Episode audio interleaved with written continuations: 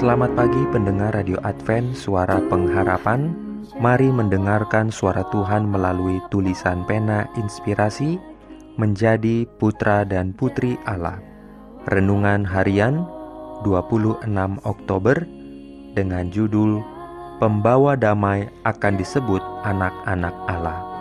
Ayat inti diambil dari Matius 5 ayat 9 Firman Tuhan berbunyi, Berbahagialah orang yang membawa damai, karena mereka akan disebut anak-anak Allah.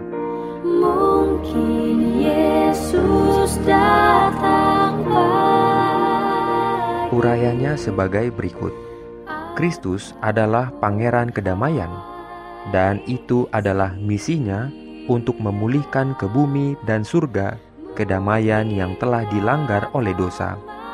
Dibenarkan karena iman, kita hidup dalam damai sejahtera dengan Allah oleh karena Tuhan kita, Yesus Kristus.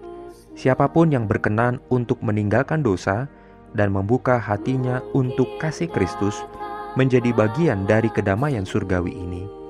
Tidak ada dasar perdamaian selain ini.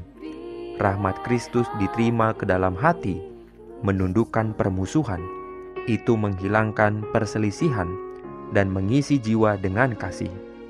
Dia yang berdamai dengan Tuhan dan sesamanya tidak bisa dibuat sengsara. Iri hati tidak akan ada di hatinya.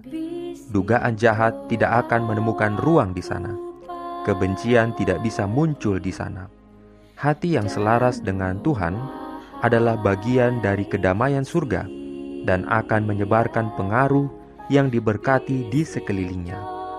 Roh perdamaian akan tinggal seperti embun di hati yang lelah dan bermasalah dengan perselisihan duniawi.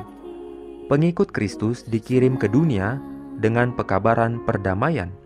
Siapa pun dengan pengaruh yang menenangkan, yang memancar dari kehidupan suci, akan mengungkapkan kasih Kristus kepada siapa pun melalui kata-kata atau tindakan, akan memimpin orang lain untuk meninggalkan dosa dan menyerahkan hatinya kepada Allah yang adalah pembawa damai.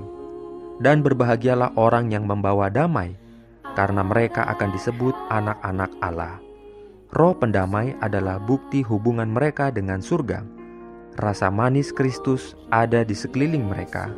Keharuman hidup, keindahan karakter, mengungkapkan kepada dunia fakta bahwa mereka adalah anak-anak Allah.